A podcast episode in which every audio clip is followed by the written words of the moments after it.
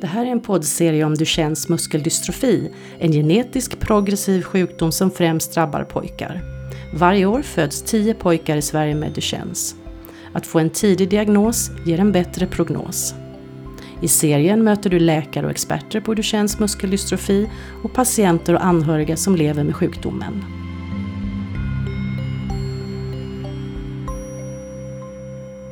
Jag heter Malin Kvarnung och eh, arbetar som specialistläkare inom klinisk genetik eh, och arbetar just nu i Stockholm.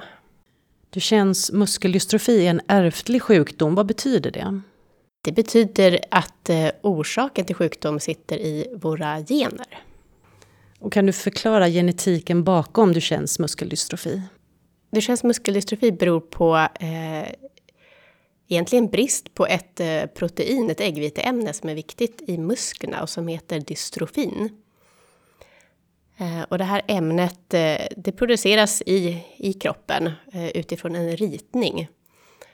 Och det är själva ritningen som är problemet. Och ritningen sitter i, i generna, i dystrofingenen. Man använder ibland ordet mutation så att någonting har blivit muterat, någonting är inte korrekt i ritningen. Eh, som gör att ämnet inte kan produceras på ett korrekt sätt. Eller kan, inte kan produceras alls. Eh, och det kan vara olika typer av mutationer eller olika typer av eh, avvikelser i den här genen, dystrofingenen. Vad kan det vara för olika mutationer? Ja, det är väldigt, väldigt olika. Man känner till mer än tusen olika mutationer i den här genen som alla kan ge Duchennes muskeldystrofi. Så det är väldigt olika för olika individer med den här diagnosen. Är det ovanligt att det är så många variationer? Um, det är olika för olika sjukdomar, men det är inte helt ovanligt att, uh, att det är samma gen som är, uh, är problemet, men det kan vara olika förändringar inuti just den här genen. Varför är det huvudsak pojkar som får sjukdomen? Det beror på att genen sitter på X-kromosomen. Och pojkar har bara en X-kromosom, sen har de också en Y-kromosom. Eh, medan flickor och kvinnor har två X-kromosomer. Då har de också två kopior av dystrofingenen, så de har en reservkopia kan man säga. Eh, och det är förklaringen till varför framför allt pojkar drabbas. Och att de drabbas mer än vad flickor och kvinnor gör. Men, men även kvinnor kan få besvär. Av, av olika grad, av olika allvarlighetsgrad, om de bär på det här anlaget. Och du arbetar med genetiska utredningar. Träffar du patienterna då också? Ofta kommer de inte till klinisk genetik primärt, utan utredningen görs oftast av en barnneurolog. Ehm, men därefter träffar vi ofta familjerna för att ge genetisk vägledning och genetisk information och berätta vad det här innebär, inte bara för den patient som har fått diagnosen, utan för hela familjen. Hur går det till då när man gör ett genetiskt test för Duchennes muskeldystrofi? Då är det eh, oftast barnläkarna som håller utredningen och den genetiska testningen är en del av utredningen. Så det är inte eh, en ensam diagnostisk test, utan det är i kombination med andra undersökningar. Men de tar ofta ett blodprov, skriver remiss för blodprov. Man uh, topsar inte? Nej, inte idag i alla fall, utan det är blodprov. Uh, och sen så kommer det blodprovet till, eh, till vårt laboratorium på klinisk genetik. Och eh, där gör man olika typer av analyser för att titta på olika typer av mutationer i den här genen, dystrofingenen. Vad händer sen när du tar emot blodprovet? Eh, ja, det är inte jag personligen som tar emot blodprovet utan det kommer till en provmottagning som är en stor enhet på, på laboratoriet. Um, och där registrerar man att blodprovet har kommit och skriver in det i vårt datasystem. Uh, och sen så sker själva labbanalysen successivt. Det börjar med att man uh, tar fram DNA från själva blodprovet. Och sen så sker analysen av DNA. Um, ehm, och det är oftast via biomedicinska analyser på labbet som gör själva, uh, själva analysen. Um, och därefter diskuteras resultatet med en sjukhusgenetiker eh, som oftast är en disputerad molekylärbiolog eh, som tittar på analysresultatet och eh, ofta diskuteras här med en läkare som gör den medicinska bedömningen och sen så tillsammans skriver man ett, ett svar som går tillbaka till den som har beställt provet. Oftast är det då en barnneurolog. Så det är många olika instanser inom den här genetiska testningen? Mm, det kan man säga. Det, det, är ett teamwork där vi arbetar tätt tillsammans med, um, med personalen på labbet som är experter på den biten och sen så hela kedjan för att göra ett sammantaget resultat. Och det kan ta allt från fyra veckor till ett halvår eller kanske längre. Vad är det som gör att den här tiden ändå blir så lång kan man uppleva? Att det... Ja, ja det, det, kan låta som en, en, lång tid och det är ju en lång tid när man väntar på att få en diagnos. Um, och det kan gå fortare också, men det här är liksom våra rutinmässiga svarstider. Um, rent tekniskt kan det gå fortare, men det är de olika stegen i processen som ska gås igenom. Och när det gäller de bredare genetiska analyserna, då är det en väldigt stor analys. Ibland tittar man på um, flera hundra olika gener. Um, och det är också en av orsakerna till att det kan ta så lång tid när man gör en bredare genetisk utredning. Inte bara titta på dystrofin-genen specifikt. Hur får du sen resultaten? Är det bilder eller um, um, DNA-strängar eller hur, mm. hur beskrivs det? Um, ja, det beror också lite på vilken analys man har gjort. Men när det har kommit så långt att det kommer till en medicinsk bedömning då finns det ofta ett, ett skriftligt svar på själva det tekniska resultatet, själva resultatet av labbanalysen. Um, och i det steget är det mest en bedömning. Kan det här vara relevant för, för frågeställningen? Är det relevant för patienten och familjen? Är detta orsaken till, till symptombilden?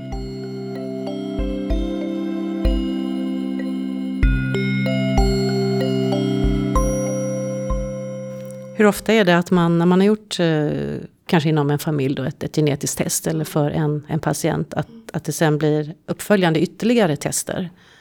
Ehm, det är nog mer regel än undantag skulle jag säga. Och framförallt ehm, att testa om det är en pojke som har fått diagnosen, att börja med att testa mamman för att se, är det här överhuvudtaget någonting ärftligt? Det är alltid steg ett. Um, skulle det visa sig vara ärftligt, då kan det utvidgas till, till många andra i familjen och släkten. Är det lätt att avgöra om man har sjukdomen när man får datan från analysen? Um, man kan generellt säga för alla typer av genetiska tester så är inte det likhetstecken med diagnos. Utan det måste sättas i ett sammanhang med, um, med vilka symptom personen har och en del andra tester. Uh, en del andra labbvärden och ibland gör man även muskelbiopsi för att kunna säga helt säkert vilken diagnos det är. Så det är liksom en sammanvägning av alla de här olika pusselbitarna innan man kan säga att det här är Duchennes muskeldystrofi eller någon annan typ av muskelsjukdom. Kan det vara svårtolkade resultat som, som man får? Um, man kan väl säga att resultatet i sig är sällan svårtolkat. Det brukar vara ganska tydligt. Men sen så vad det har för betydelse för patienten eller för slutdiagnosen, det kan ibland vara svårt. Kan man underlätta det på något sätt? Um, man kan underlätta det genom att uh, komplettera med andra analyser. Man kan titta på själva ämnet, själva proteinet som saknas, dystrofin. Uh, ehm, så att då kan man i, ibland i muskelprov titta mer specifikt på proteinet och inte på genen som ligger bakom. Och då kan man mäta halten och se om det, om det finns eller om det saknas eller om det finns i lägre halt.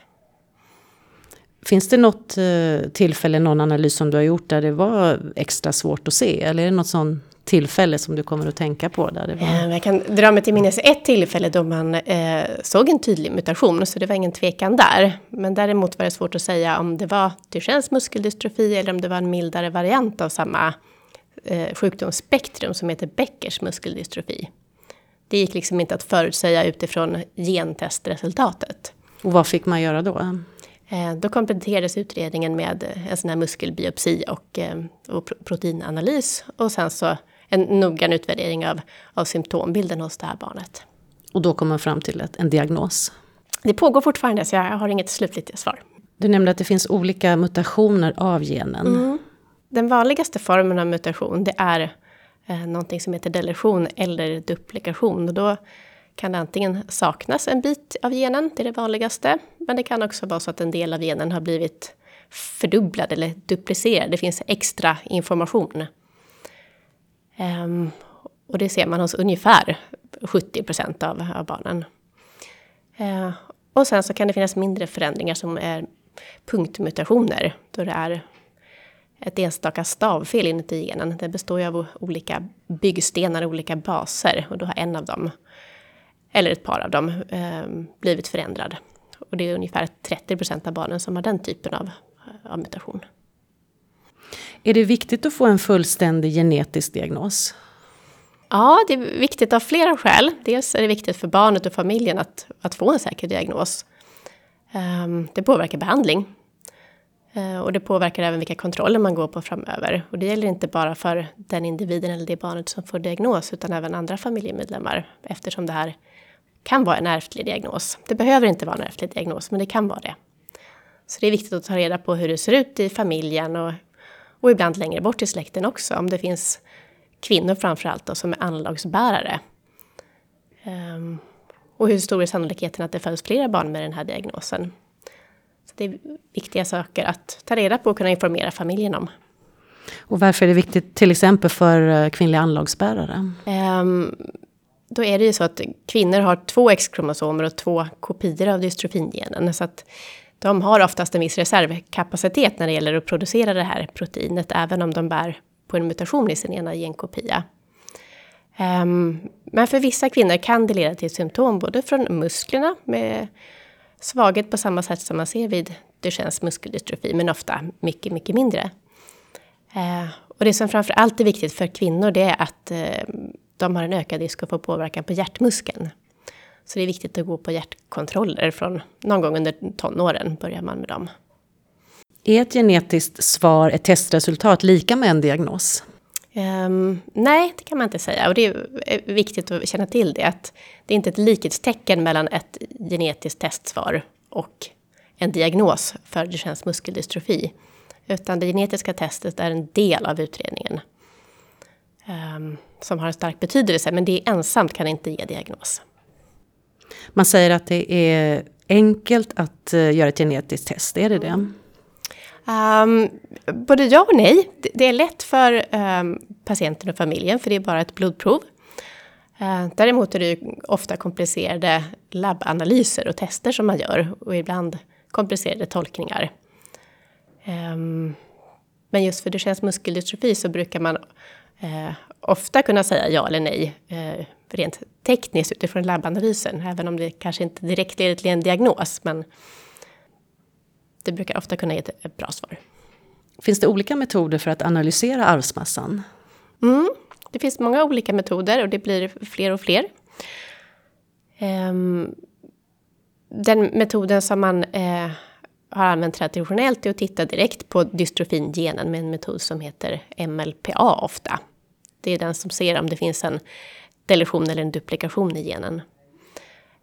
Um, och till det så har man ibland gjort en sekvensering, en Sanger-sekvensering där man läser av bokstavsordningen i genen. Um, nu de senaste åren har man mer och mer gått över till någonting som heter Next Generation Sequencing, eller NGS.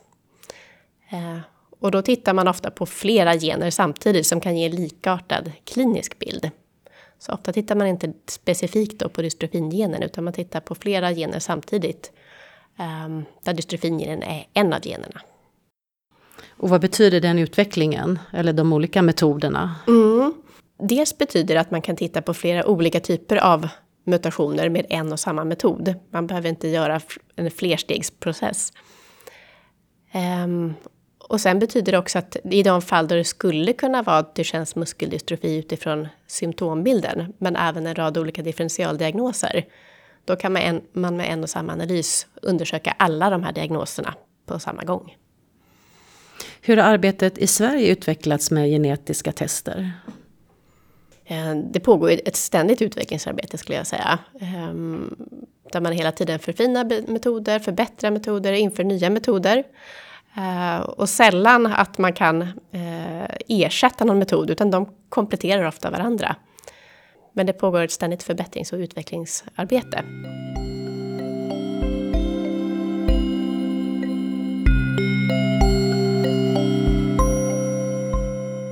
Vad är den största utmaningen när det gäller genetiska tester och testningar? Um, det är svårt att generalisera för alla, för det är så olika typer av eh, sjukdomar och olika typer av diagnoser. Ehm, så att generellt med de här breda genetiska testerna som vi kan göra idag så är det mycket en kostnadsfråga. Eh, och ett annat eh, ehm, problem, vet jag inte om det är rätt ord, men någonting som man måste ha i åtanke är att ibland kan det vara svårtolkat. Och det gäller inte heller så mycket för Duchennes muskeldystrofi, men vid många andra diagnoser när man gör breda gentester så kan man hitta varianter eller mutationer där man inte vet vad det har för betydelse för, för den kliniska bilden. Ehm, så det är en sak som, som vi ofta diskuterar och jobbar med att komma vidare med.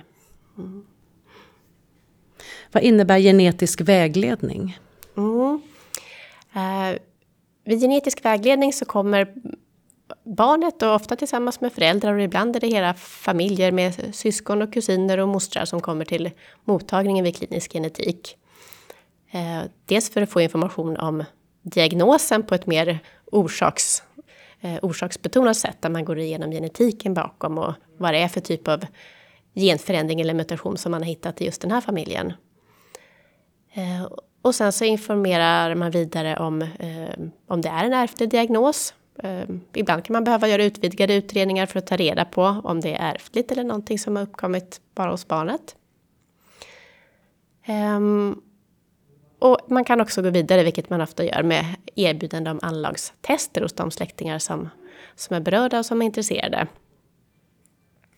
Eh, och det här gäller även för, ehm, för kommande generationer. Att man kan erbjuda fosterdiagnostik om det är någonting som familjen önskar. Är det vanligt att man gör genetiska tester vid just fosterdiagnostik eller provrörsbefruktning? Mm, för Duchennes muskeldystrofi är inte helt ovanligt. Det, är, det förekommer. Mm både fosterdiagnostik där man gör analys i samband med graviditeten. Um, ungefär vecka 12 till 15 kan man ta ett eh, prov från moderkakan eller från fostervattnet för att analysera eh, dystrofin-genen. Men en förutsättning för att man överhuvudtaget kan göra det här det är att man vet exakt vilken mutation det är som finns i familjen. Annars vet man inte vad man ska titta efter. Um, och ett alternativ till fosterdiagnostik det är någonting som kallas för preimplantatorisk genetisk diagnostik eller PGD. Um, ehm, och då um, genomgår paret en provrörsbefruktning där man får flera befruktade ägg och man kan sen analysera de här befruktade äggen för att se vilka av dem som har ärvt anlaget och inte.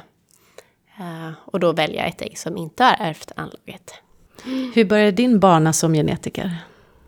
Eh, ja, den började ehm, ganska snart efter jag hade gjort min allmäntjänstgöring.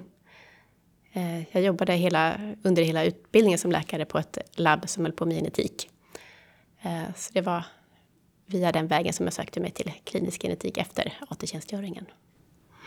Vad har du för vision om um, genetiska tester och genetisk forskning framöver? Uh, jag tror att det kommer fortsätta gå väldigt fort framåt. Att de här metoderna som vi har nu kommer utvecklas ännu mer. Um, och framförallt att det kommer bli mer tillgängligt för, uh, för sjukvården och um, för familjer och patienter inom sjukvården. Att det kommer inte bli ett, en konstig analys att göra, utan det är någonting som kommer ingå. På vilket sätt är det inte tillgängligt idag? Um, en stor del, inte just för Duchennes muskeldystrofi, eh, för det är en så pass etablerad eh, analys, men för många andra diagnoser ehm, så är det också en kostnadsfråga, att det är dyra, dyra analyser att göra. Ehm, och det i sig begränsar. Och sen så även kunskap, att alla kanske inte har kännedom om vilka analyser som finns tillgängliga och vad det kan ge för möjligheter. Hur kan man sprida den kunskapen mer? Mm, ja, det, det, jobbar vi mycket med inom, inom professionen också, att sprida kunskap till kollegor, patientföreningar um, och så vidare.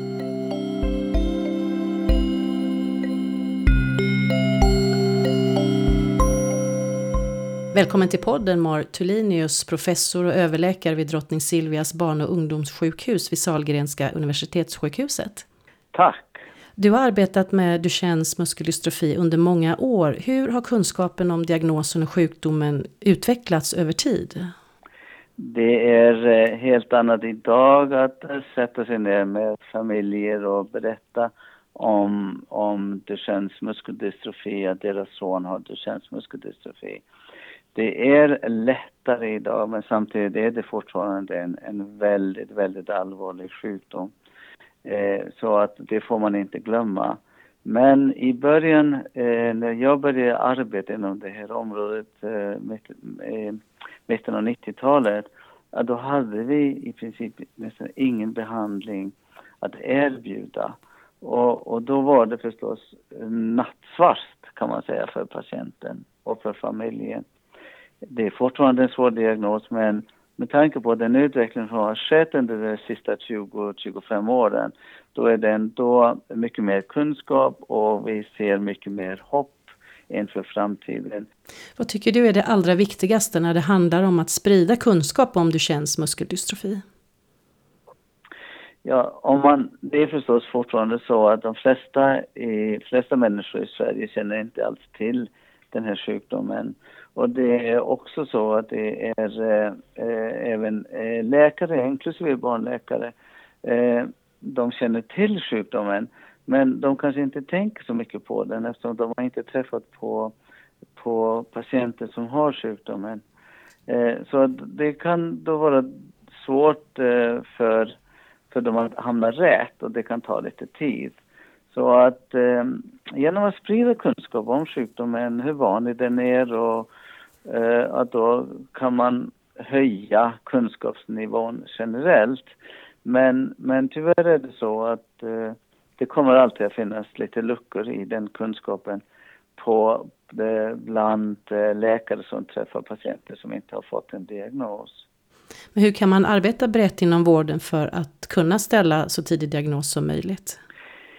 Egentligen handlar det om information, information och information. Eh, och ehm, jag tror nu när vi utvecklas, när vi kommer vidare med nya terapier och till och med med terapier där, där man kan behandla eh, alla olika former av Duchennes muskeldystrofi med samma behandling som till exempel med genterapi. Att då, eh, då öppnar det för ny förskrivning. Och eh, då kan man göra det på lite olika sätt, nyföddhetsscreening, men, men med tanke på utvecklingen inom genetisk diagnostik, då borde det bli allt lättare att, eh, att eh, kunna erbjuda nyföddhetsscreening för alla pojkar. Mar Tullinius, professor och överläkare vid Drottning Silvias barn och ungdomssjukhus vid Sahlgrenska universitetssjukhuset. Tack! Tack!